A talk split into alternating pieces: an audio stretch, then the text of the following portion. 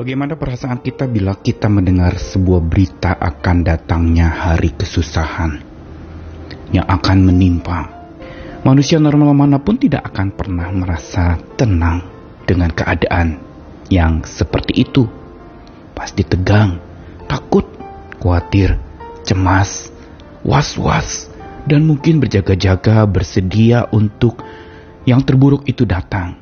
Entah mungkin dengan mengumpulkan bahan-bahan kebutuhan untuk makanan sehari-hari, atau berbagai macam hal, supaya pada saat petaka atau bencana itu terjadi, maka kita sudah siap sedia dengan segala macam cadangan-cadangan yang ada.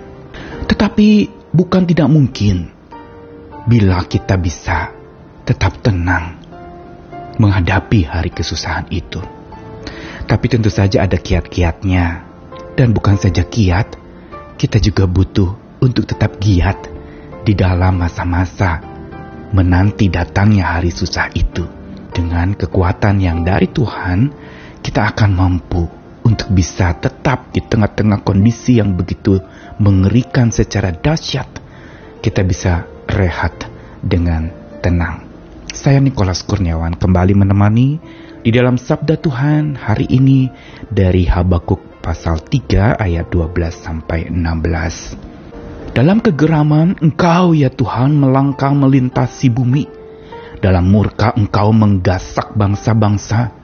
Engkau berjalan maju untuk menyelamatkan umatmu, untuk menyelamatkan orang yang kau urapi.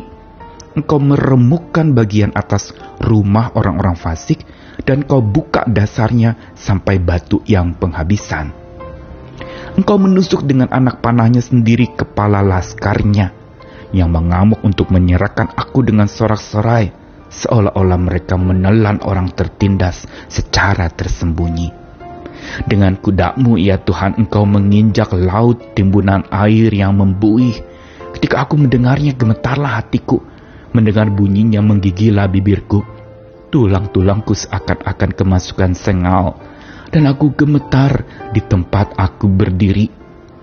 Namun dengan tenang, akan kunantikan hari kesusahan yang akan mendatangi bangsa yang bergerombolan menyerang kami. Kitab Habakuk adalah sebuah kitab yang memang pasalnya tidak banyak, tetapi di dalamnya memberi kepada kita sebuah nasihat yang dahsyat untuk kita bisa hidup dari keyakinan, kepercayaan, dan iman kita kepada Tuhan. Bukan dari apa yang kita lihat yang memang serba bisa menyesatkan. Yang kita lihat serba bisa membuat kita tambah memikirkan. Namun di dalam Habakuk pasal 3 khususnya ini merupakan doa Habakuk sebelum dia bergumul di hadapan Tuhan mempertanyakan Tuhan mengapa terjadi seperti ini. Mengapa umatmu tertindas dan mengalami serangan bertubi-tubi dari musuh-musuh yang ingin menghabiskan kami. Pertanyaan ini diajukan kepada Tuhan tetapi yang menarik Tuhan tidak menjawab. Alasanku melakukan ini adalah ini, ini, ini. Tidak Tuhan tidak menjawab demikian. Tapi Tuhan justru mengatakan di dalam Habakuk pasal 2 Orang benar akan hidup dari percayanya. Hidup dari percaya bukan hidup dari bertanya. Seringkali kita menghadapi segala masalah, pergumulan hidup, kesusahan, kita bertanya kan, mengapa begini, mengapa begitu, langsung mulai cari penyebabnya, cari kambing hitamnya, cari akar masalahnya, bertanya mengapa, mengapa, mengapa.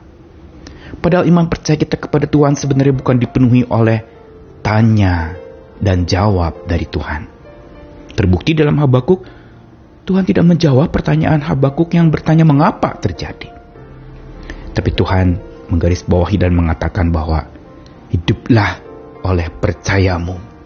Jangan dipadati oleh pertanyaanmu yang tak terjawabkan. Benar hari ini banyak orang yang menjadi tidak percaya karena pertanyaannya tidak terjawab. Merasa lalu marah kepada Tuhan karena pertanyaannya tidak dijawab. Tapi Habakuk berbeda. Tuhan justru ingin menyatakan lewat kitab Habakuk ini bahwa iman yang dibangun berdasarkan pertanyaan akan membuat kita lelah tapi iman yang dibangun berdasarkan kepercayaan dan pemercayaan diri kepada Tuhan tanpa banyak tanya. Itu justru akan menjadi kekuatan dahsyat untuk menghadapi masalah, dan kesusahan hidup. Dan nyata di dalam Habakuk pasal 3, di dalam doanya khususnya ayat 12 sampai 16. Habakuk menyaksikan dalam doanya itu bagaimana Tuhan itu geram. Tuhan itu murkanya dahsyat. Dia berjalan maju dengan kedahsyatannya dengan segala macam tindakan-tindakan keadilannya untuk menyelamatkan umatnya. Dan dia digambarkan menusuk dengan anak panah, dia mengamuk, dan dia menelan orang-orang yang tertindas. Dan dikatakan dengan kuda Tuhan, Tuhan menginjak lautan, timbunan air membuih. Sampai-sampai Habakuk sendiri merasa ketakutan, gemetar hatinya mendengar bunyi tindakan Tuhan. Menggigil bibirnya melihat betapa dahsyatnya Tuhan dengan segala keadilan murkanya itu dinyatakan sampai dia gemetar di tempat dia berdiri. Tetapi doa ini ditutup dengan sebuah keyakinan namun dengan tenang akan kunantikan hari kesusahan. Saya bertanya-tanya kenapa Habakuk bisa dengan tenang menghadapi hari kesusahan. Bukankah orang menghadapi hari kesusahan atau berita akan terjadi kesusahan menjadi tegang dan sulit penuh dengan kekhawatiran, kecemasan, ketakutan? Sembunyi mungkin. Tetapi rupanya Habakuk malah setelah melihat kegeraman Tuhan, murka Tuhan dinyatakan dalam rangka menyelamatkan umat Tuhan. Ini membuat dia justru tenang menantikan hari kesusahan yang akan menimpa musuh-musuhnya. Ini sungguh-sungguh kekuatan yang dari Tuhan yang bukan kekuatan yang tampaknya angin sepoi-sepoi menenangkan tetapi satu kedahsyatan Tuhan yang justru itu memberi ketenangan.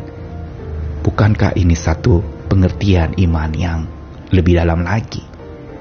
Bukan Tuhan diam dan tenang lalu kita tenang, tapi justru dengan Tuhan bertindak dan Tuhan dengan garangnya menyatakan keadilan, kita jadi tenang. Dan yang menarik lagi adalah bahwa kata tenang di situ digunakan kata dari akar kata atau dasar katanya adalah nuah yang artinya beristirahat. Atau dengan kata lain kalau mau diterjemahkan harafiah, namun dengan tenang akan kunantikan hari kesusahan, kata tenang itu bisa diterjemahkan namun dengan beristirahat, dengan tenang dan tentram akan kunantikan hari kesusahan. Apa yang ditulis oleh Habakuk ini mengingatkan saya kepada bagaimana Yesus tetap tidur di tengah-tengah angin ribut yang melanda perahu murid-muridnya. Dia bisa tenang kenapa? Karena Bapaknya berkuasa. Kita juga bisa demikian seperti Habakuk, bisa tenang, bisa rehat dengan tenang. Karena dia sungguh melihat kepada Tuhan yang maha dahsyat itu.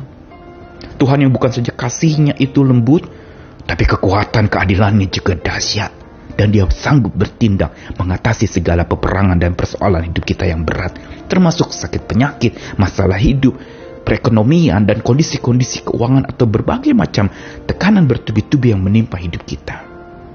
Karenanya pelajaran kita hari ini adalah seperti Habakuk, dengan tenang dia menantikan hari kesusahan yang akan menjadi bukti keadilan Tuhan untuk para musuh-musuhnya.